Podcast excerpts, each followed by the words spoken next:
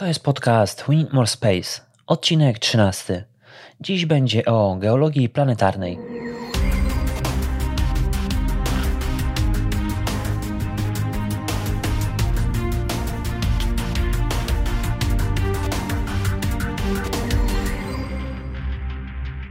Cześć, witaj w We Need More Space podcast. Ja nazywam się Radek Grabarek i w tym programie rozmawiam z pasjonatami kosmosu, profesjonalnymi astronomami, inżynierami, naukowcami, którzy robią ciekawe rzeczy związane z kosmosem. Jeśli interesuje Cię astronomia, eksploracja wszechświata i loty w kosmos, ten podcast jest dla Ciebie. W dzisiejszym odcinku rozmawiam z dr Anną Łosiak o tych miejscach, gdzie kosmos styka się z Ziemią. Dosłownie. Mówimy bowiem o kraterach uderzeniowych. Dr Łosiak jest geologiem, zajmuje się m.in. badaniem kraterów uderzeniowych na Ziemi, Księżycu i Marsie. W naszej rozmowie poruszamy takie tematy jak jej praktyki w NASA i macanie skał księżycowych przewiezionych przez misję Apollo. Dlaczego jest tylko kwestią czasu, kiedy astronauta zginie na Księżycu trafionym meteorytem?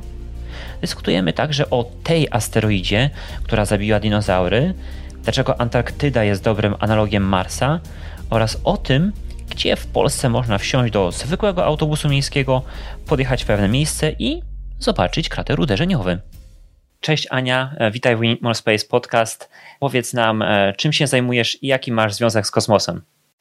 No, mam bardzo bliski związek z kosmosem, dlatego że badam e, te kawałki świata, te kawałki Ziemi, w których kosmos bezpośrednio spotkał się z Ziemią. To znaczy, te miejsca, w których asteroida e, zdecydowała się wylądować w sposób wybuchowy na powierzchni Ziemi, czyli kratery uderzeniowe. Okej, okay, czyli. Śmierć, zniszczenie, te sprawy. Śmierć, zniszczenie. A dlaczego właśnie to? No, śmierć, zniszczenie i te sprawy. Czyż to nie jest wystarczająca odpowiedź? Chciałam powiedzieć, e, przypomnieć, że dinozaury nie miały swoich badaczy, prawdopodobnie nie miały przynajmniej skutecznych badaczy kraterów uderzeniowych, inaczej e, być może nie, nie siedzielibyśmy tutaj, nie rozmawialibyśmy o e, kraterach, dinozaurach i innych takich, gdyby tylko e, te biedne stworzenia wiedziały, co ich czeka, czyli katastrofa z kosmosu jeden z pisarzy chyba science fiction, Larry Niven, jeśli się nie mylę, powiedział, że dinozaury wyginęły, bo nie miały programu kosmicznego. No. Więc Dokładnie po, potwierdzasz? Tak. Dokładnie tak, dokładnie tak. I ich bardzo jakby bądźmy zadowoleni z tego faktu, dlatego że gdyby one nie wyginęły, to byśmy tutaj nie siedzieli. Mhm. To powiedz, e, co jest takiego ciekawego w tych właśnie kraterach uderzeniowych i w tych katastrofach z punktu widzenia geologa planetarnego? E, z punktu widzenia geologa planetarnego jest to absolutnie kluczowe, dlatego że powstawanie kraterów uderzeniowych, zderzanie się e, tego typu ciał, e, to jest absolutnie najważniejszy proces geologiczny, jaki występuje i w naszym własnym układzie słonecznym, na wszystkich ciałach naszego układu słonecznego, ale również na prawda, pozaziemskich, poza układosłonecznych, na egzoplanetach. Czyli wszędzie, jeżeli zrozumiemy, w jaki sposób działają tego typu procesy, będziemy lepiej rozumieć cały wszechświat. Mhm.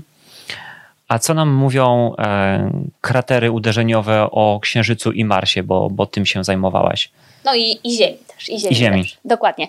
E, po pierwsze, e, właśnie zderzenia e, różnych ciał róż, różnej wielkości doprowadziły do powstania wszystkich skalistych przynajmniej ciał e, naszego Układu Słonecznego, w związku z czym e, jeżeli popatrzymy na przykład na powierzchnię e, Marsa, to możemy zauważyć, że ta część północna i część południowa wyglądają zupełnie inaczej.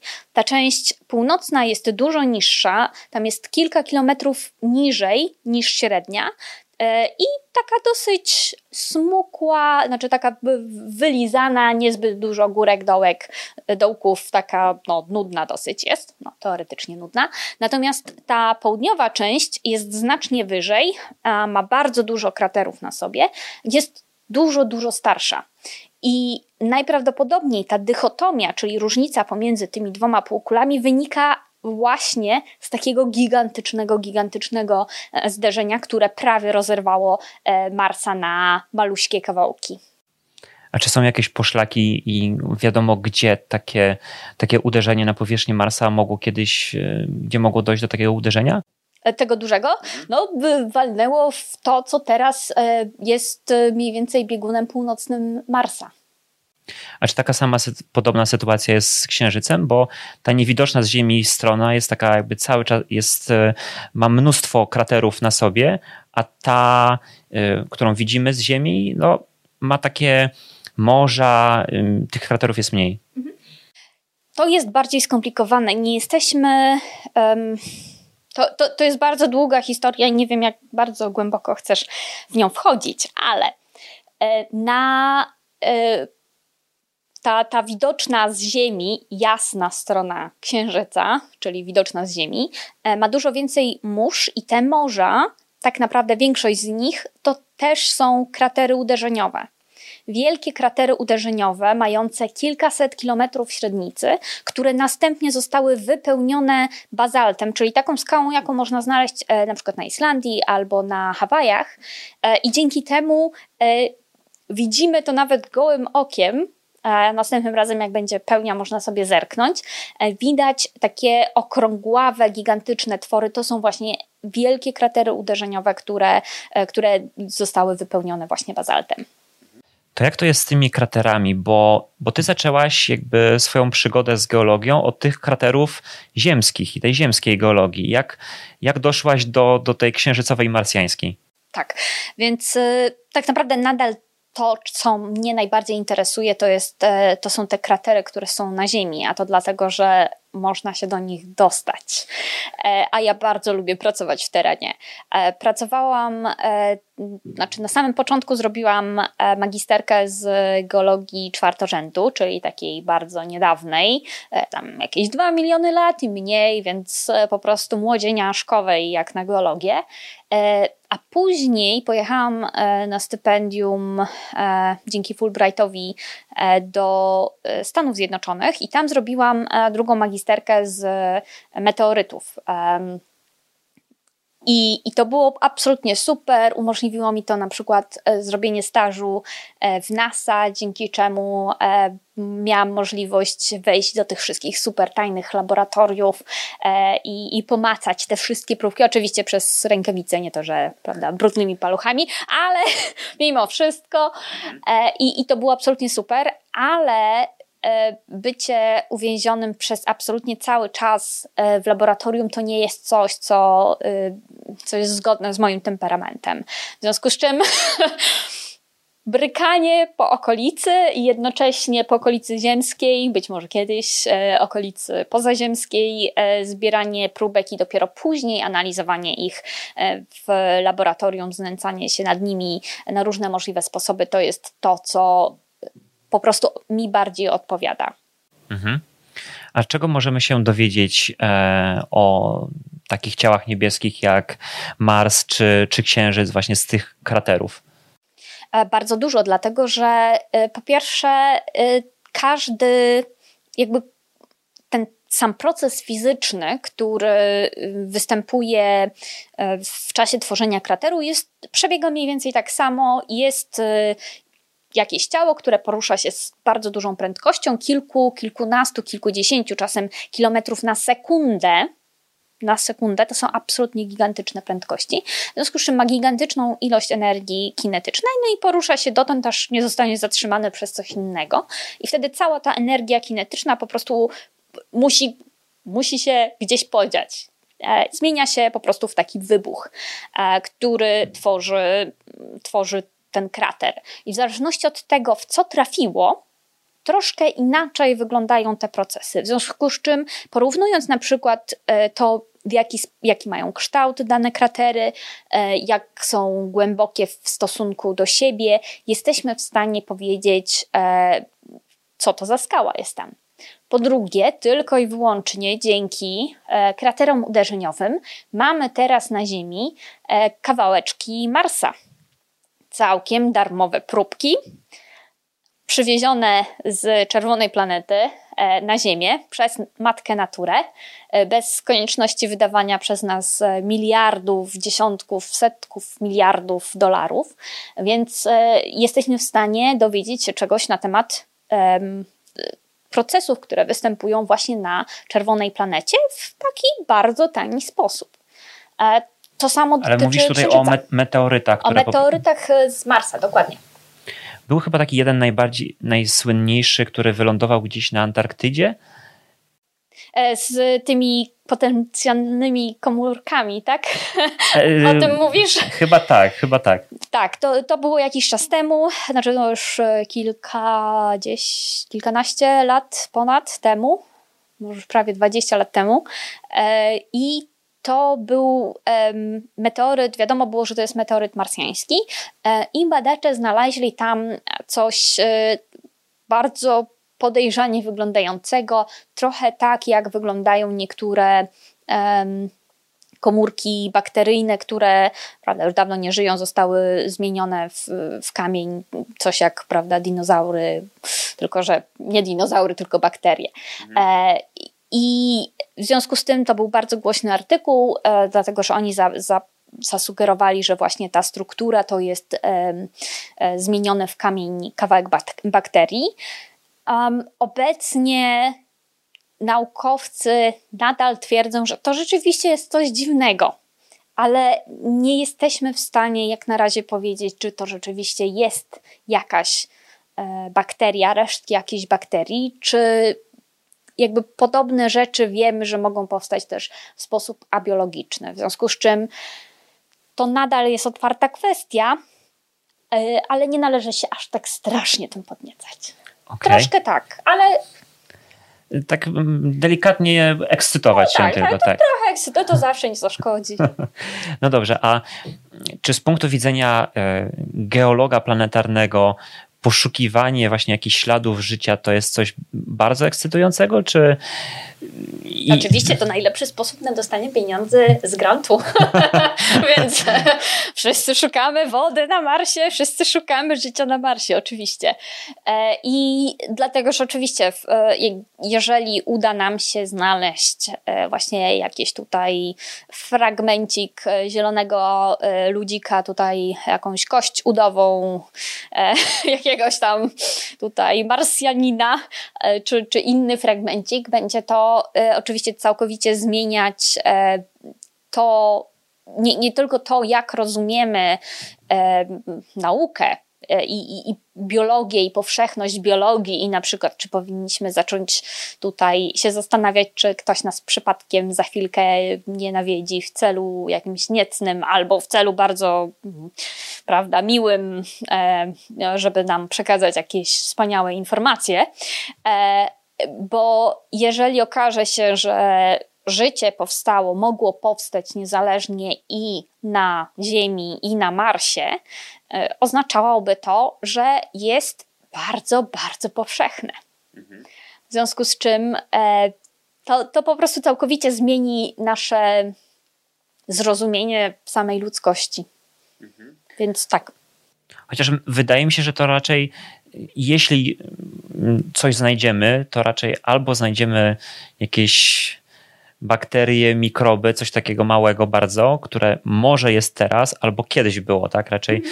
chyba, chyba nikt e, poważnie nie myśli o znalezieniu um, kości, ani takich nie, nie, dużych... Nie, to, to, to taki lekki, prawda, żarcik, mhm. tak. E, nie, nie, nie, najprawdopodobniej, okej, okay, nie da się niczego wykluczyć tak naprawdę, dlatego że e, jak na razie na temat Marsa no, wiemy to, co wiemy z bardzo dokładnych e, zdjęć satelitarnych. E, w niektórych miejscach mamy zdjęcia z rozdzielczością do 30 cm, czyli prawda, no, super rozdzielczość. Moglibyśmy tutaj, nie wiem, samochody rozpoznawać, gdyby jakieś były na Marsie, ale nie ma. E, więc więc to jest jedna rzecz. Druga rzecz, mamy trochę pojęcia na temat tego, jaka jest e, na przykład budowa e, chemiczna skał, z których się składa, dlatego że mamy takie specjalne instrumenty, które badają um, jakość światła, która się odbija od powierzchni Marsa, dzięki czemu można niektóre rzeczy wyciągnąć na temat tego, że tam na przykład jest dużo określonego typu minerału. w niektórych przypadkach. Kolejną rzeczą, którą wiemy, to jest z badań radarowych. Od czasu do czasu wiemy, co jest pod powierzchnią w niektórych miejscach, dzięki czemu wiemy na przykład, że ta powierzchnia, znaczy takie czapy lodowe, które są na, na obu biegunach Marsa, są w większości z wody takiej normalnej, którą moglibyśmy wypić. Um, ale tak naprawdę niewiele, no i jeszcze okej, okay, w kilku miejscach wysłaliśmy te, te łaziki, które tam coś tam troszkę pogrzebały, no ale to maksymalnie pogrzebały sobie pod spodem jakieś kilkanaście centymetrów e, i to tyle. Więc tak naprawdę no, nic, nic prawie nie wiemy o tej planecie, więc może pod spodem coś tam sobie siedzi. Prawdopodobnie jest to raczej e, właśnie jakieś życie jednokomórkowe. Wynika to z dostępności wody, długości dostępności wody e, na podstawie tego, co podejrzewamy na temat ewolucji klimatu czerwonej planety ale dopóki my tam nie pojedziemy, dopóki nie sprawdzimy, to nie będziemy wiedzieć. Czyli, czyli jako geolog, ty zdecydowanie wysłałabyś ludzi na Marsa, szczególnie geologów, którzy. No, absolutnie. Absolutnie, tak jest, zgłaszam się. Pod warunkiem, że są bilety powrotne też. Tak, i, i lądowanie jest bezpieczne. Tak, tak. tak, poproszę. Mhm. A, a gdzie uważasz, e, powinniśmy wysłać tych astronautów, e, geologów najpierw na Księżyc czy na Marsa? zdecydowanie na Księżyc. A musimy musimy, jakby bez wysłania ludzi na Księżyc, bez założenia e, tam stabilnej bazy, którą będziemy w stanie wspierać w razie problemów, e, którą będziemy w stanie, e, jakby nauczymy się funkcjonować w przestrzeni kosmicznej. Szanse na to, że wyślemy ludzi na na Marsa i jeszcze w dodatku, że po pierwsze, że oni tam dolecą, a po drugie, że będą w stanie zrobić jakieś, znaczy wylądować, a później, że zrobić jakieś badania i że wrócą, moim zdaniem są bardzo, bardzo małe. W związku z czym zdecydowanie najpierw musimy po, polecieć na Księżyc, założyć tam stałą bazę, nauczyć tego, jak, jak robić rzeczy w kosmosie. Dlatego, że, że to będzie zupełnie jakby wyprawa Apollo y, to były niesamowite misje, ale one były bardzo krótkie. Mhm. To było kilka dni jakby przelotu, e, tam na miejscu też e, maksymalnie kilka dni, na samym początku tylko kilka godzin.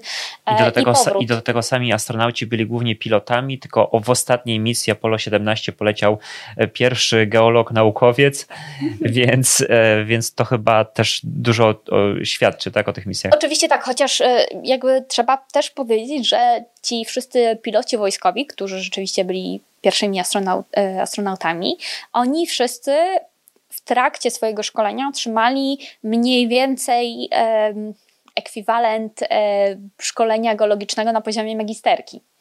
Więc hmm. oni o, oczywiście to nie była ich specjalizacja, ale oni nie byli tak całkiem zieloni e, w, w tej geologii. Więc ale, ale to, nadal, to nadal będzie zupełnie coś innego. E, jakby sam przelot na, na Marsa będzie zajmować minimalnie pół roku. W czasie, którym jakby ci, ci ludzie muszą przeżyć. Mhm. E, I, e, I tam na miejscu nie będą mogli być wspierani, tak jak e, ci astronauci z programu Apollo na bieżąco, dlatego że prawda, taki właśnie astronauta programu Apollo e, jakby sobie jechał czy szedł e, i mówi hej tam Houston, tutaj jakiś dziwny kamień leży, zielony taki, brać go czy nie brać?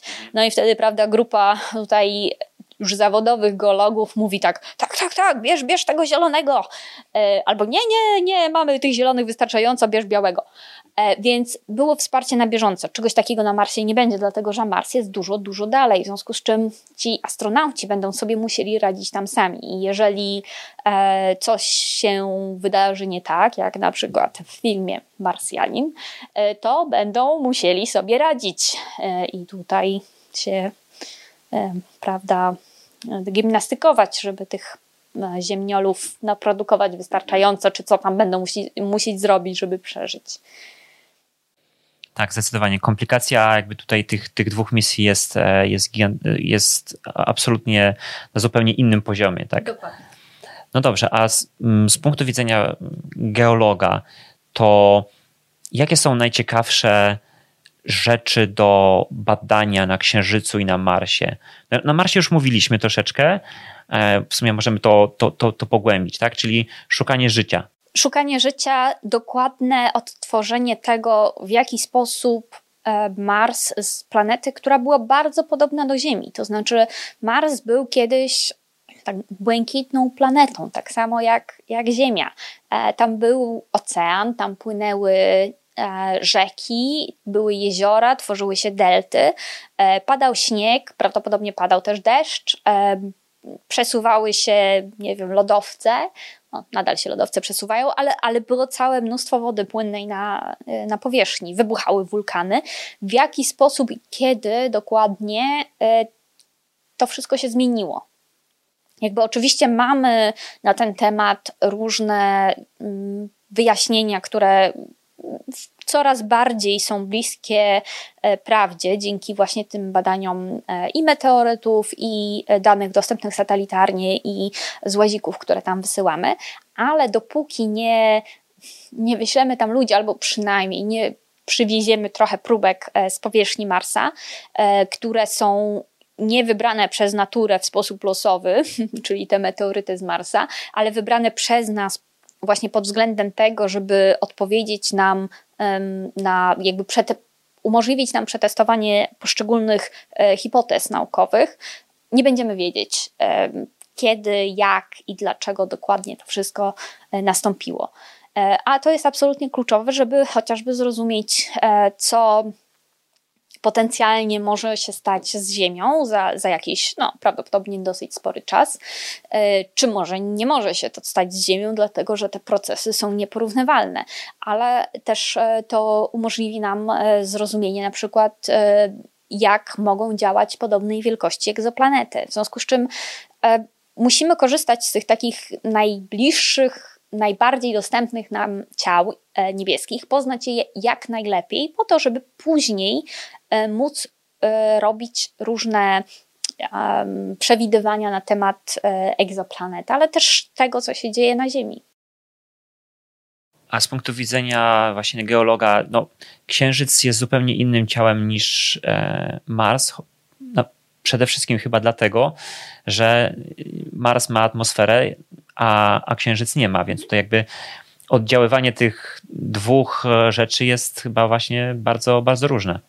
To znaczy e, i tak i nie, dlatego że e, jakby podstawowe te cegiełki, z których się składa i Ziemia, i Księżyc, i Mars są dokładnie takie same. To są skały krzemianowe, y, które tutaj mają całe mnóstwo y, SI, czyli krzemu, który jest doczepiony do tlenu, który jest doczepiony jeszcze do żelaza, y, magnezu e, i, i kilku innych rzeczy. I te, te mm, minerały, te pierwiastki i minerały, które stanowią większość skał, z których zbudowane są te ciała, są dokładnie takie same. To, to nie, ma, nie ma żadnego, prawda, tutaj super kryptonitu, który y, występuje tylko i wyłącznie na Marsie. Marsonitu tak. i ten księżyconitu. Więc, y, przynajmniej do o ile wiemy, o ile wiemy, może coś się tam kryje. Prawdopodobnie nie, ale zawsze dobrze sprawdzić.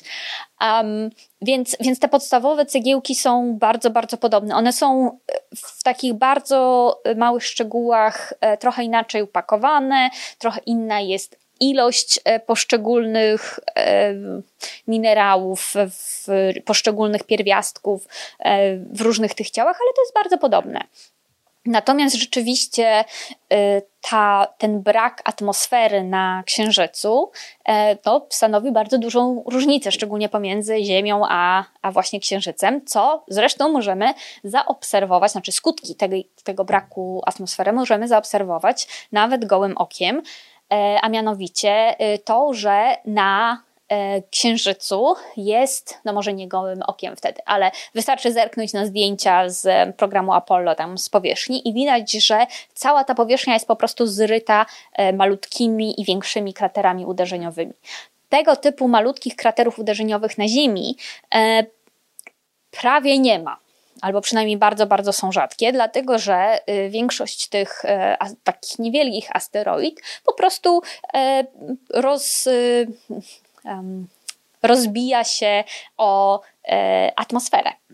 W związku z czym e, wybucha w atmosferze, robi się coś w rodzaju, e, znaczy to, co mogliśmy podziwiać w 2013 roku nad Rosją w Czelabińsku i w rezultacie nie mamy, nie mamy tego krateru uderzeniowego na Marsie, tfu, na Księżycu.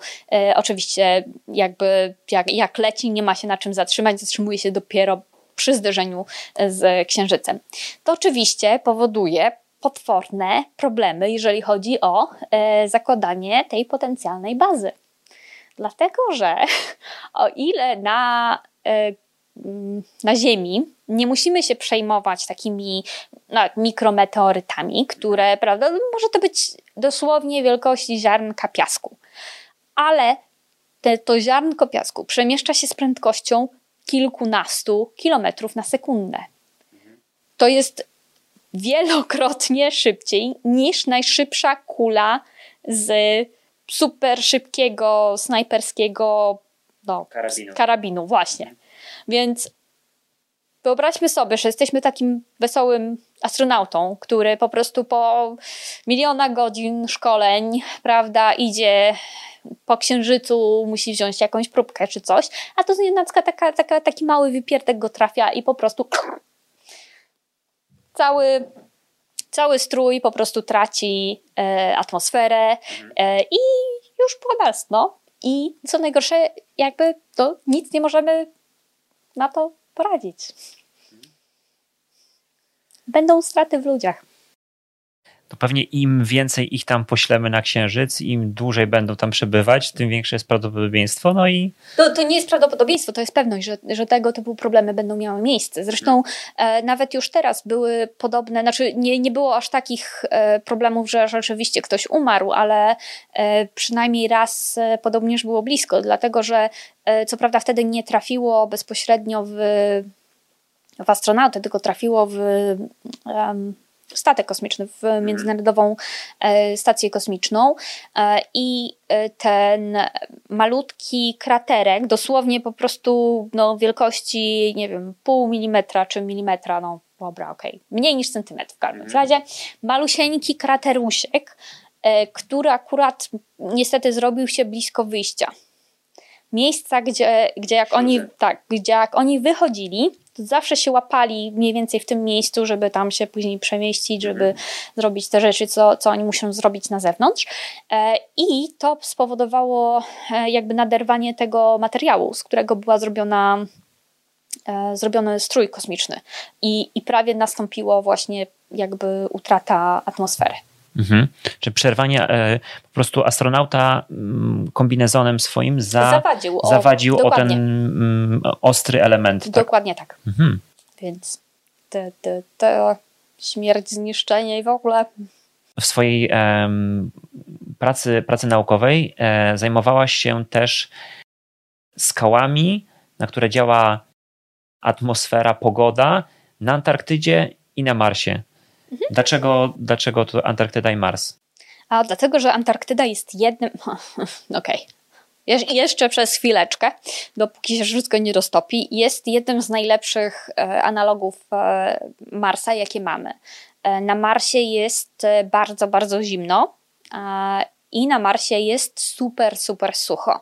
E, tego typu warunki możemy właśnie znaleźć na Antarktydzie, w związku z czym e, zajmowałam się badaniem tego, w jaki sposób skały, które zostały znienacka wrzucone e, w takie środowisko, reagują na to środowisko i co nam może to powiedzieć na temat tego środowiska, ale też na temat tych skał, czyli co się dzieje z meteorytami, gdy lądują na Antarktydzie. I jak dużo informacji jest potencjalnie tracone. Dlatego, że e, nie wiem, czy, czy wiesz, ale od e, lat 80. mniej więcej co roku są, no prawie co roku, są organizowane wyprawy naukowe. E, przede wszystkim amerykańskie, ale kilka innych krajów też, na przykład Japończycy niedawno ludzie z Belgii i z Wielkiej Brytanii jeżdżą co roku na Antarktydę i tam zbierają meteoryty. I teraz jakby większość meteorytów, które mamy w naszej kolekcji, z których korzystamy, żeby zrozumieć, w jaki sposób powstał nasz własny układ słoneczny, ale też w jaki sposób powstały inne układy słoneczne, um, pochodzą właśnie z tego źródła. I teraz pytanie jest takie, jak bardzo możemy ufać tym, da e, tym danym, szczególnie, że te, te meteoryty spędzają bardzo długi czas na, na Antarktydzie. Mhm. Więc badanie tego, jak wpływa na nie pogoda, jest tutaj kluczowe. Dokładnie. Mhm. To jest bardzo ciekawe, bo, Antarktyda z jednej strony jest też takim, może być takim poligonem dla astronautów, e, bo ma takie mm, przypominające warunki, tak, temperaturę na przykład. O tyle jest jeszcze miła, że ma jeszcze powietrze, którym można oddychać. Tak, e, na Marsie tego nie można. Ale tak, y, są bazy amerykańskie, rosyjskie, jest chyba ta stacja mm, Concordia, francusko-włoska, która, do której astronauci europejscy też e, się udają, więc e, to jest bardzo ciekawe, że jak, jakby można użyć Antarktydy do, do symulowania Marsa. Oczywiście, że tak. I, i bardzo często jakby te w bardzo różnych zakresach tego typu badania są robione e, właśnie na przykład geologicznym, wykorzystując szczególnie suche doliny, czyli takie miejsca pozbawione lodu w obrębie e, Antarktydy do, do badania różnych procesów, które właśnie występują na Marsie, ale nie występują w żadnych innych miejscach na, na Ziemi. To bardzo, bardzo szczególne miejsce, ale też są pro, prowadzone y, na przykład te badania zbierania mikrometeorytów y, z, z lodu, wytapiania z lodu E, mikrometeorytów, dzięki któremu możemy się dowiedzieć e, właśnie e, czegoś więcej na temat znowu tworzenia naszej własnej, naszego własnego układu słonecznego. Więc Antarktyda jest naprawdę niesamowitą, niesamowitym miejscem do, do badań planetologicznych. Mhm. A co, co zwróciło uwagę Twoją na te kratery uderzeniowe? Czy w Polsce jest, jest taki krater? Bo oczywiście, jak ja myślę o czymś takim, to, to myślę o tym słynnym e, kraterze w, w Arizonie, e, który jest taki chyba, nie wiem, wydaje mi się, że najbardziej taki. Malowniczy. Malowniczy, dokładnie. Mhm. E, brakowało mi tego słowa. Nie tylko malowniczy, ale również pierwszy udowodniony stuprocentowo jako miejsce, w którym walnęła skała z kosmosu i zrobiła wielką dziurę. Mhm. Więc historyczne miejsce. A w Polsce? W Polsce też jest i to nawet nie jeden krater uderzeniowy, ale kilka kraterów uderzeniowych. Co prawda takich, które powstały dokładnie w tym samym czasie, dlatego że y, mm, jeżeli pofatygują się Państwo kiedyś do Poznania, można, po, y, można y, autobusem normalnym autobusem miejskim pojechać do krateru uderzeniowego w Poznaniu. To jest chyba z tego, co mi się wydaje, jedyna taka możliwość na świecie, więc polecam skorzystać z okazji.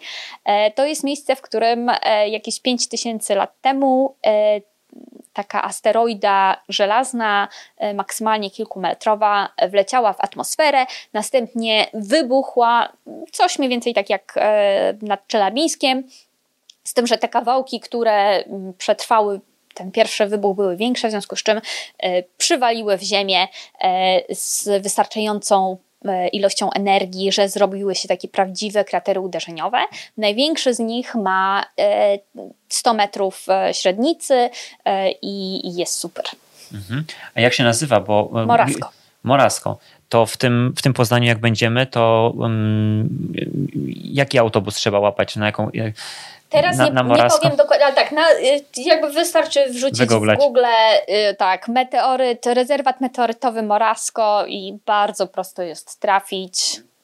I ostatnio nawet zrobi, zrobiono tam dzięki e, ciężkiej e, pracy e, naukowców e, z Poznania, którzy e, prawda, z Wydziału Geologii, pozdrawiam, E, którzy e, robią e, doskonałą, doskonałą robotę właśnie pogłębiając nasze zrozumienie tego procesu zderzania się ciał niebieskich z Polską, którzy prawda, zrobili też e, super robotę, jeżeli chodzi o popularyzację, więc jest tam ścieżka taka edukacyjna, a także jeżeli ktoś, e, szczególnie jakieś e, szkoły, wcześniej napisze do, do profesorów, szczególnie do profesora Andrzeja Muszyńskiego, to jestem pewna, że da się załatwić wpuszczenie do niesamowitego muzeum, które jest na Wydziale Geologii UAM które ma super kolekcję meteorytów, e, nie tylko morawskich, ale też różnych innych. Super, super możliwość. Inna opcja zobaczenia bardzo fajnej kolekcji meteorytów morawskich, łącznie z największym, który jest teraz dostępny w Polsce, czyli 265-kilogramowym kawałeczkiem. To jest na Pyrkonie. Więc jeżeli ktoś przy okazji będzie na Prykonie, tutaj ktoś e, czytuje science fiction albo fantazy, to y, zachęcam do przybycia na Pyrkon. Będzie wystawa ponownie większa i lepsza niż ta w zeszłym roku nawet, gdzie będzie można pomacać meteoryta, popatrzeć na meteoryty i być może przeżyć erupcję wulkanu. Być może przeżyć, zobaczymy. Wulkan jest jeszcze w produkcji. Wulkan w produkcji, okej. Okay. E, super. A, a, a propos macania meteorytów, to mi się przypomniało, że um, ty wspominałaś o tym, że jak byłaś w USA, to tam macałaś te, te skały księżycowe przywiezione przez astronautów Apollo, tak? Tak, tak, tak. Okej, okay, okej. Okay. To było fajne. Jak, e, no bo rozumiem, że tego typu no, bardzo cenne oczywiście próbki są, muszą być jakoś specjalnie strzeżone, chronione i, i jak to w ogóle wygląda? Absolutnie. E, to znaczy te... Mm, te próbki, które zostały przywiezione w ramach programu Apollo, one mają status e, skarbu narodowego, w związku z czym są pod super ochroną, e, nie można ich kupić w żaden sposób, w żaden legalny sposób. Okay. Mhm. E, I jedyny sposób, żeby, żeby coś takiego mieć, to od czasu do czasu rząd amerykański rozdawał takie maluśkie fragmenciki po to, żeby tutaj e, pokazywać swoją przyjaźń i, i wyższość technologiczną nad pozostałymi mhm. krajami. Więc to jest jedyny legalny sposób, żeby, żeby coś takiego mieć. Wydaje mi się, że w taki maluśki kawałeczek jest mm, przewieziony w ramach programu Apollo jest e, w Polsce w obserwatorium w Olsztynie.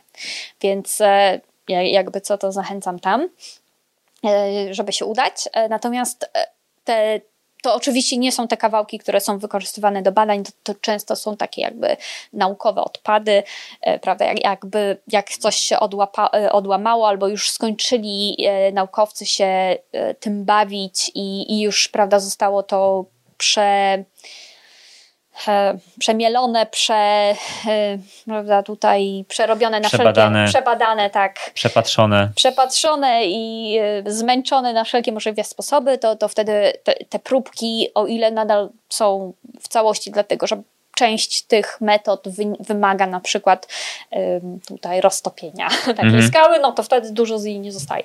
Ale czasem, prawda, właśnie zostaje i wtedy może zostać jako właśnie taki gest no, przyjaźni mhm. e, rozdana.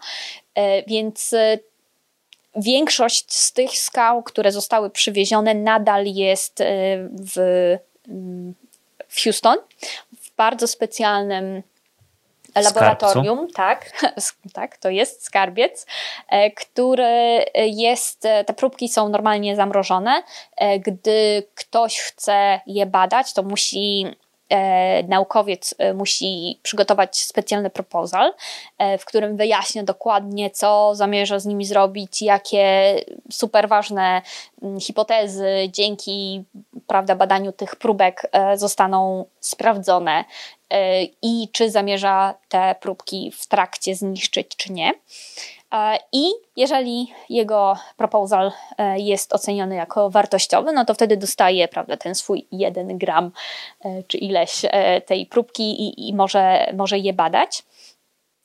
Wtedy specjalni laboranci, którzy tam pracują, biorą taką, ten, ten wybrany kawałek skały z tego lodowego skarbca i wkładają w takiej specjalnej um, w specjalny sposób po to, żeby nie zostały, żeby te, te skały nie były um, nie miały żadnego e, starcia z tlenem e, ani z wodą z naszego e, powietrza, w związku z czym to wszystko jest w takich specjalnych śluzach i są takie specjalne pojemniki, coś jak na tych wszystkich filmach o jakichś strasznych pandemiach, prawda, tutaj ludzie pracują właśnie w przez takie wielkie mhm. um, rękawice, takie rękawice, grube. Tak. dokładnie, tak. Więc to, to jest dokładnie to samo, e, z tym, że tam jest jeszcze dodatkowo e, nadciśnienie e, azotowe, nadciśnienie, po to, żeby dokładnie upewnić się, że na 100% jeżeli są jakieś prze, jakby jakaś nieszczelność, to ten wypływ powietrza jest na zewnątrz, a nie do środka, w związku z czym nie będziemy mieli e, zanieczyszczenia tej naszej skały, której przywiezienie kosztowało tak gigantyczne pieniądze e, i która może kryć w sobie e, niesamowite odpowiedzi na niesamowite pytania, jeżeli na przykład za trzy lata wymyślimy jakąś nową super technikę badania tych skał, e, to, to musimy mieć pewność, że, że nadal ta informacja, która jest zakodowana w tej skale, jest prawdziwa i niezmieniona przez to, w jaki sposób to przechowujemy. Mhm. A powiedz, dlaczego, dlaczego te próbki są mrożone? A po to, żeby y, jakby to, to jeszcze dodatkowo y, jakby zapobiega. Y, okej. Okay, um, im jest wyższa temperatura, tym szybciej przebiegają wszystkie um, procesy. procesy chemiczne. W związku z czym, jeżeli mamy głęboko zamrożone, to po pierwsze one były głęboko zamrożone, jak sobie się leżały na powierzchni e, księżyca przez większość czasu, e, a po drugie właśnie zwalniamy e, w razie, gdyby tam się dostały znowu jakieś kawałki e, wody, znaczy pary wodnej czy, czy tlenu, to, to zwalniamy tą prędkość reakcji. I czyli ty mówisz, że dotykałaś i badałaś te Przez próbki. rękawice. Przez rękawice oczywiście. Więc e, czego dotyczył ten twój proposal? Musiał być jakiś naprawdę bardzo e, ważny i żeby, żeby pozwolono ci e, dotknąć tych próbek. To znaczy e, jakby nasz, e, nasz projekt, w którym uczestniczyliśmy w czasie tego e, stażu, to, to nie ja nie ja go napisałam, ja tam byłam na stażu, e, ale e, nasz e, szef David Kring umożliwił nam pracę nad wybieraniem, procesem wybierania następnych miejsc lądowań na Księżycu. To znaczy, to jest to, nad czym pracowaliśmy. Wcześniej grupa naukowców, wszyscy naukowcy zajmujący się, czy większość naukowców zajmujących się Księżycem, e, zrobiła taką listę priorytetów, e, czyli najważniejszych tematów e, naukowych, które powinny zostać rozwiązane, gdy następnym razem udamy się na Księżyc. I my opracowywaliśmy, jakby przekładaliśmy te takie dosyć ogólne priorytety, jak na przykład e, ja się zajmowałam tym, że no, powinniśmy się dowiedzieć, czy te kratery uderzeniowe, które powstawały na Księżycu, powstawały w tym samym, z tym samą częstotliwością teraz i w przeszłości, prawda? Mhm. Ważna rzecz, bo czy na przykład teraz mamy więcej tych kraterów, więcej tych asteroidów, które w nas uderzają, czy nie. Więc gdzie najlepiej polecieć na Księżyc, żeby odpowiedzieć na to konkretne pytanie. A jakby brykanie po, po tych laboratoriach, e, bycie e, oprowadzanym po e, tych takich miejscach, w których trenują prawdziwi astronauci, przez astronautę, który nie żartuje, nazywa się Dr. Love. Autentyczny, mhm. po prostu autentyczny astronauta chyba nie ma lepszego po prostu sposobu na poderwanie nikogo niż podejście w barze. Dzień dobry, jestem astronautą i nazywam się Dr. Love. Jeszcze to wszystko prawda. No ale w znaczy, Ja słyszałem chyba tylko y, jedno nazwisko astronauty, które może z tym konkurować i pewien astronauta się nazywał McCool. I więc... Okej, okay, to też dobre, to też dobre, ale ale myślę, że, że jakby w, jeżeli chodzi o tak. podry, potencjalne podrywanie w barze, to jednak doktor Love wygrywa. W każdym razie y, te mm, takie zwiedzanie, znaczy zwiedzanie umożliwienie nam e, zapoznania się z tymi różnymi laboratoriami, z, z tym, w jaki sposób trenują astronauci, porozmawianie z astronautami e, i, i, i wszystkim tym innym, to było powiedzmy dodatkowa rozrywka dla nas. Mhm. Natomiast bezpośrednio zajmowaliśmy się właśnie wybieraniem miejsc na lądowanie i, i to była głównie praca przed komputerem z mapami, e, analizami danych satelitarnych e, i, i, orbitalnych, znaczy się satelitów. Tak, tak, tak. No i e, gdzie wskazaliście, jakie są te miejsca najlepsze teraz do. do e, gdzie, gdzie, gdzie misja Artemis 3 powinna wylądować? e, najprawdopodobniej e, jakby przede wszystkim w okolicach północnego, południowego e, bieguna Księżyca z kilku względów, dlatego że tam jest dosyć dobre miejsce, jeżeli chodzi o zapewnienie nieprzerwanej ilości energii dla, dla załogi, prawda, żeby tutaj nie, nie, nie umrzeć z braku elektryczności. Tylko tam są punkty, w których ta elektryczność będzie dostarczana przez cały czas. A z drugiej strony tam są być może pokłady he, no, helu, to, to inna sprawa, wodoru, które są kluczowe, jeżeli chodzi o utrzymanie stałej bazy na y, Księżycu, dlatego że w innym przypadku będziemy musieli przywozić całe mnóstwo wody z Ziemi na Księżyc. Jeżeli okaże się, że możemy chociaż trochę wykopać właśnie tam, to będzie to dużo prostsze. Natomiast e, taka ściśle naukowy powód, dla którego powinniśmy się tam udać, to jest to, że e, to jest w pobliżu takiej, e, takiego wielkiego krateru uderzeniowego na, e, na Księżycu, który być może był na tyle duży, że wybił fragmenty e, takich strasznie, strasznie głębokich e, kawałków płaszcza e, tego księżyca, w związku z czym moglibyśmy potencjalnie po prostu schylając się po właściwy kamień dowiedzieć się, co księżyc ma w środku, bez konieczności robienia absurd, chwilowo w ogóle niemożliwych odwiertów. Mhm. Jak się nazywa ten krater? SPA. SPA. Mhm. Okej, okay, super.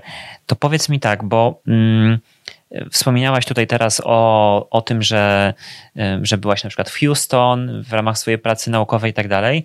E, ja wiem też, że jeszcze gdzieś tam e, Wiedeń, teraz e, stacjonujesz w Wielkiej Brytanii.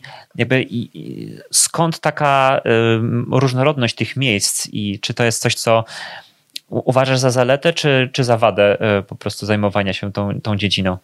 To znaczy, do, do pewnego czasu to jest e, jakby zaleta, bo to nic fajniejszego niż sobie tak tutaj pojeździć i podoświadczać różnych innych rzeczy i dzięki temu też e, można się bardzo dużo nauczyć od e, różnych ludzi, od różnych miejsc i też to uczy takiego um, radzenia sobie we wszystkich sytuacjach. Trochę z konieczności.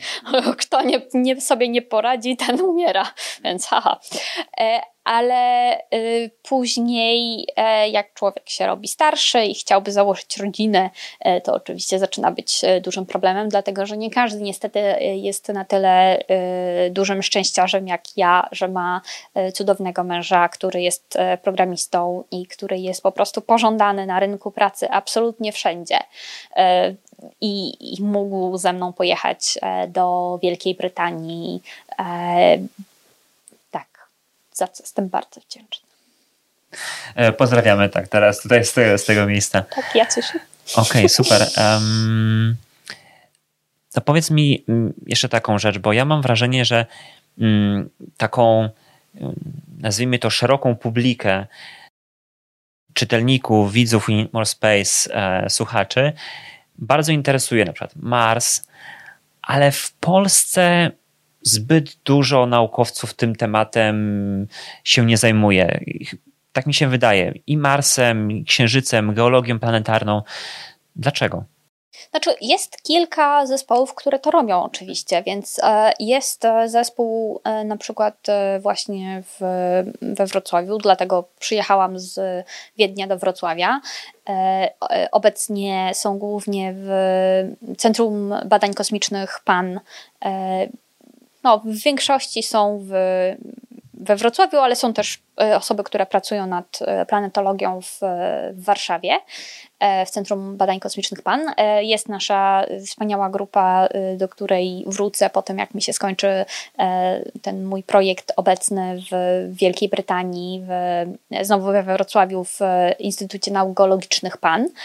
Jest też grupa na geofizyce w, na Uniwersytecie Warszawskim z profesorem Leszkiem Czechowskim, więc jest i nie tylko, i kilkoma innymi osobami również, więc jest jest trochę osób, które się tym zajmują, natomiast no, problem polega na tym, że to nie jest e, temat, e, do którego bardzo łatwo się włączyć, szczególnie od tej geologicznej strony, dlatego że e, zanim ktoś, jakby to, to jest bardzo dużo technik, które są specyficzne dla E, właśnie geologii planetarnej, w związku z czym ktoś musi jakby nauczyć, wprowadzić, e, dlatego że bardzo, znaczy nie, nie to, że to jest niemożliwe, żeby się samemu wszystkiego nauczyć, oczywiście, jak ktoś jest super, niesamowity, to może, ale jednak to nie jest to samo. Poza tym, e, żeby wejść do, do tego środowiska i, i wiedzieć po prostu, co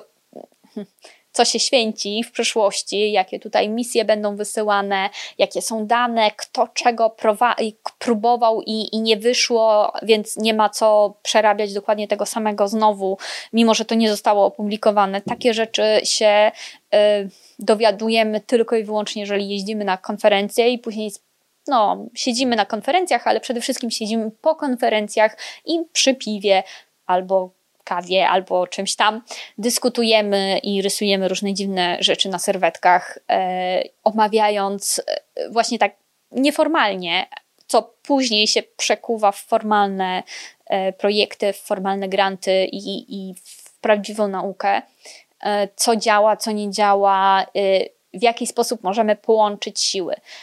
Jeżeli nie będzie w, nie, nie, ma funduszy na to, żeby właśnie wyjechać do na przykład konferencji, jednej z najważniejszych, no w zasadzie najważniejszej konferencji e, w, w tej tematyce e, do Houston co roku, e, to jakby nie ma jak wejść do tej grupy i bardzo łatwo jest też jakby wypaść z obiegu, bo po prostu nie wiemy, co się dzieje. Czy to też jest um, po prostu problem dostępu do danych, tak? No bo jeśli chcemy się zajmować Marsem, no... Nie zupełnie. Nie? E, dostęp do danych jest, e, jest prosty, dlatego że większość obecnie, większość misji e, musi wypuszczać wszystkie dane, które wyprodukował po jakimś okresie karencji, to znaczy przez kilka miesięcy te E, ci naukowcy, którzy tutaj dużo pracowali, żeby wytworzyć te dane, nie wiem, zrobić jakiś, e, jakieś urządzenie, które sobie właśnie lata dookoła Marsa, Księżyca czy, czy czegokolwiek innego. E, I prawda, oni, oni mają kilka miesięcy jakby takiego no, startu, żeby zbadać i opublikować w tym Science albo Nature te najciekawsze takie kąski, ale później to wszystko jest wypuszczane, w związku z czym te dane tam są. Tylko, że jeżeli nie siedzimy w tym temacie bardzo głęboko, to nie jesteśmy w stanie ocenić i, i wymyślić tematów badawczych, które są interesujące i które nie zostały y, już rozwiązane i zarzucone. W związku z czym to, to nie jest problem z tym, że, że, że jest problem z dostępem do danych, e, bo te dane są. Jedne są powiedzmy publikowane w bardziej dostępnym formacie, inne w mniej, ale są. Natomiast problem jest w tym, że bez bardzo dogłębnego właśnie zrozumienia sytuacji e, no, no, nie da się wymyślić tego, czym się powinno badać. Mhm. Jest bardzo dużo danych, jest bardzo mało ludzi, którzy to robią. Czyli tutaj problemem jest po prostu dostęp do, nazwijmy to, odpowiedniego środowiska naukowego? Powiedziałabym, że tak. ale, ale to wynika właśnie między innymi z tego, że um, no, jeżeli nie było wcześniej e, takiej dużej grupy, silnej grupy, która e, prawda, miałaby właśnie bardzo szerokie e, kontakty w jakiejś bardzo konkretnej dziedzinie, to, to trudno jest wejść w ten konkretny temat, e, o ile na przykład się nie robiło właśnie doktoratów w za granicą. Za, granicą. Dokładnie. Czyli w Polsce, gdyby ktoś chciał iść w tym kierunku, bo go to fascynuje, to Wrocław i Centrum Badań mhm. Kosmicznych, mhm. tak? I w Warszawie. I Instytut Nauk Geologicznych PAN. Mam nadzieję, że już niedługo będę mogła zaprosić wszystkich niezwykle mądrych i bardzo pracowitych ludzi e, do aplikowania na doktorat. Mhm. Wiem, że bardzo intensywnie i od wielu, wielu lat angażujesz się w popularyzację nauki. Dlaczego? Przecież mogłabyś sobie posiedzieć, obejrzeć serial. Ale seriale też oglądam. nie to, że nie.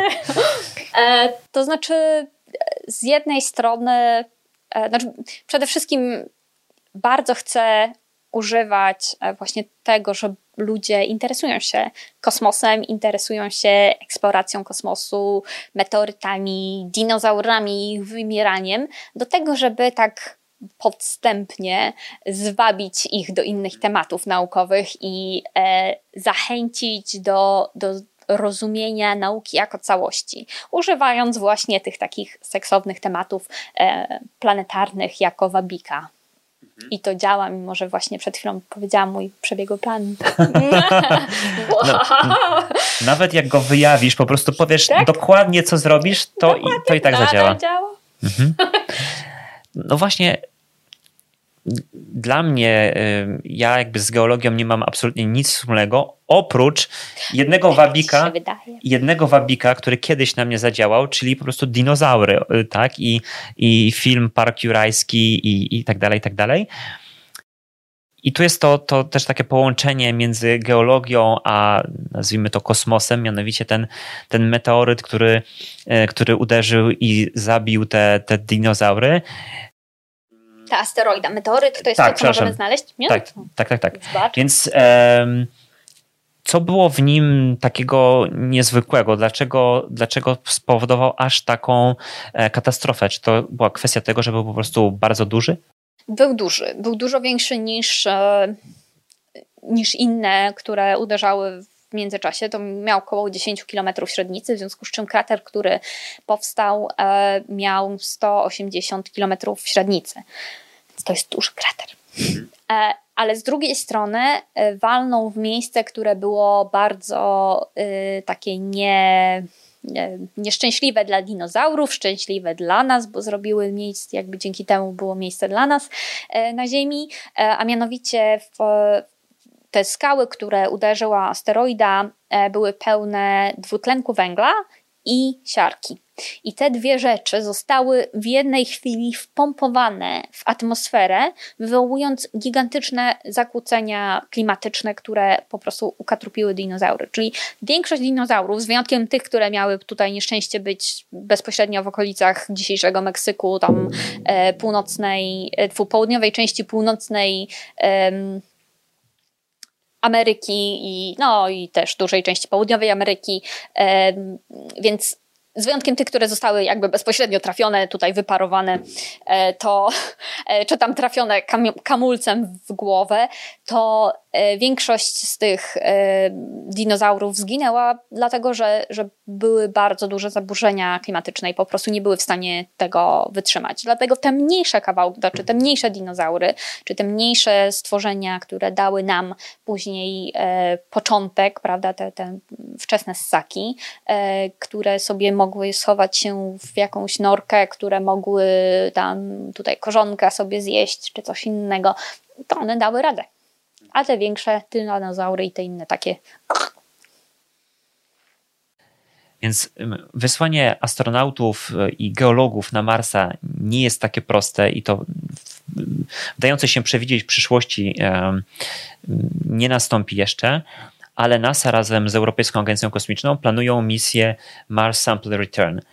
I Czy to jest coś, co, co bardzo jara geologów, że w końcu dostaną próbki z Marsa? Tak. Powiem, y, odpowiem taką historią, która jest odrobinę smutna, e, a mianowicie mój e, promotor z, ze Stanów, e, dr Michael Welbel, który właśnie w przyszłym roku odchodzi na emeryturę. Został geologiem planetarnym właśnie, dlatego że po ekscytacji epoką Apollo wszyscy byli absolutnie przekonani, że po prostu ten Mars Sample Return to będzie po prostu jutro, więc trzeba się już przygotować. No więc on podporządkował swoją karierę temu, żeby być gotowym. Jak już przylecą te próbki z Marsa, to on tam będzie, żeby je badać.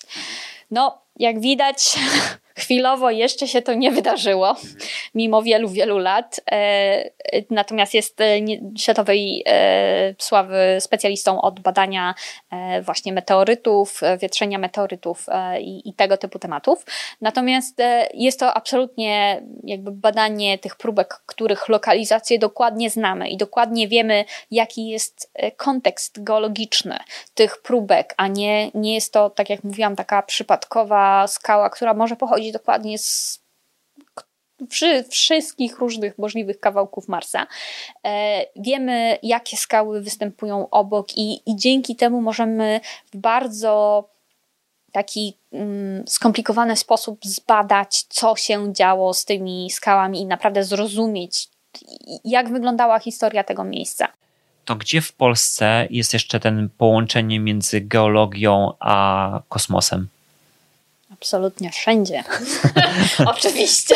Dlatego, że cała Ziemia oczywiście powstała jako część e, kosmosu. Tak, to, to, to oczywiście tak. Jak zapytam, zapytam astronoma, to on wtedy powie, że przecież jesteśmy gwiezdnym pyłem no i tak jesteśmy, dalej. Tak, tak, tak. Jesteśmy. Ale chodziło mi o takie, że, takie miejsca albo nie wiem, wydarzenia, gdzie po prostu osoba zainteresowana tym tematem, e, ale amator może, nie wiem, pójść i coś zobaczyć i czegoś się nauczyć. Więc y, ja absolutnie niezmiennie zapraszam na Pyrkon, e, gdzie jest absolutnie cudowny e, taki cały zestaw wykładów, nie tylko dotyczących geologii planetarnej, która oczywiście jest super tematem, ale wszystkich innych takich naukowych rzeczy, e, zwykle podanych e, w sposób e, zabawny, w sposób e, taki nietypowy, nawiązujący do różnych tworów popkultury, więc lepiej się zapamiętuje. Więc jeżeli ktoś chce się czegoś dowiedzieć, ale też być rozbawionym, to zachęcam do przyjścia na wykłady popularno-naukowe na Pyrkonie i oczywiście koniecznie odwiedzenia naszej wystawy, którą organizujemy razem z studentami Wydziału e, Geologii e, UAM-u e, o geologii planetarnej właśnie. Tam będzie można pomasać meteoryta, będzie można popatrzeć na meteoryty i tak być może przeżyć erupcję wulkanu. Zobaczymy. Zobaczymy. Jakie jest twoje takie kosmiczne marzenie, ale z tych właśnie do zrealizowania? żeby był jakiś krater uderzeniowy niedługo powstał. Taki, żeby nikt nie, nie uszkodził się, ale żeby... Na której tam, planecie? No na Ziemi, no żebym tam mogła pojechać, żebym mogła pobadać na bieżąco. Byłoby bardzo miło. Zresztą niedawno był, znaczy nie, stosunkowo niedawno y, najmłodszy krater uderzeniowy powstał w 2007 roku. E, super mały, tylko 14 metrów. Już teraz y, geologowie planetarni zadeptali go na śmierć, biedaczka, e, ale taką, no to coś odrobinkę większego, na jakiejś Syberii bym poprosiła, coś takiego, jakby coś to. E, wspominałaś też o, o, o Pyrkonie e, i, i, i fakcie, że lubisz, e, lubisz science fiction i, i tak dalej, to powiedz mi, jak jest twoja, nie wiem, ulubiona książka, film czy serial taki um, związany z kosmosem? Serial zdecydowanie ostatnio The Expanse. To jest absolutnie cudowny serial, który z wyjątkiem tego głównego bohatera, który po prostu e, jest niezwykle irytujący i po prostu Space Jesus, e, który tutaj musi zbawiać e, ludzkość nieustannie, ale cała reszta bohaterów jest absolutnie taka krwista. Te jakby to, w jaki sposób pokazane są zmiany um, społeczeństwa, które ludzkiego, które nastąpią w odpowiedzi na nasz podbój e, kosmosu, to podzielenie się na właśnie tę społeczność e, jakby Ziemian, Marsjan, Beltan, Beltan, tak, to, to ciężko tu przetłumaczyć. Ten, Ludzi, pa, tak. Pasowców. O, pasowców, no. tak. E, którzy, którzy właśnie jakby wchodzą w różne interakcje, jak, jak to wszystko wygląda, to jest absolutnie niesamowite e, i absolutnie jakby doceniam to jako geolog. Okay, muszę przyznać, że w większości przypadków, gdy oglądam filmy science fiction albo e, jakieś takie katastroficzne, to e, jest to jakby nie należy pokazywać mi tych filmów, jeżeli są w okolicy dzieci. E, ponieważ wydaje odgłosy niecenzuralne. Dlatego, że e, niestety e, bardzo często e, scenarzyści bardzo nie dbają o e, taką, taki realizm albo no, no ja, ja nie wymagam tego, żeby, żeby było super, wszystko zgodne, e, ale, ale tak chociaż trochę. Natomiast w The Expanse, e, w tym serialu, widać absolutnie, że tam są ludzie, którzy wiedzą, co się dzieje e, w kosmosie, dbają o, różne takie małe elementy w rodzaju tutaj sztuczna e, grawitacja w niektórych miejscach, wpływ właśnie sztucznej grawitacji albo braku grawitacji na leczenie różnych chorób. No, uwielbiam ten serial. Okej, okay, super. E, dziękuję Ci bardzo za Twój czas e, i cóż, do zobaczenia następnym razem. Do zobaczenia. W razie jakichś pytań, to zachęcam do pytania. w komentarzach do, tak. do, do tego odcinka podcastu czy do wideo. Jeśli takie się pojawią, to na pewno e, przekażemy. Tak, będę się starać. Mhm. Dziękuję bardzo. Dziękuję. To koniec mojej rozmowy z dr Anną Łosiak. Jeśli Ci się spodobał ten odcinek, to zasubskrybuj podcast We Space, a jeśli słuchasz go na urządzeniu z rokiem nadgryzionego jabłka, oceń go proszę w Apple Podcast i napisz krótką recenzję. To pomoże mi w rozwoju tego podcastu, da siłę i energię do zapraszania nowych, intrygujących gości. Z góry ogromne dzięki. Cześć!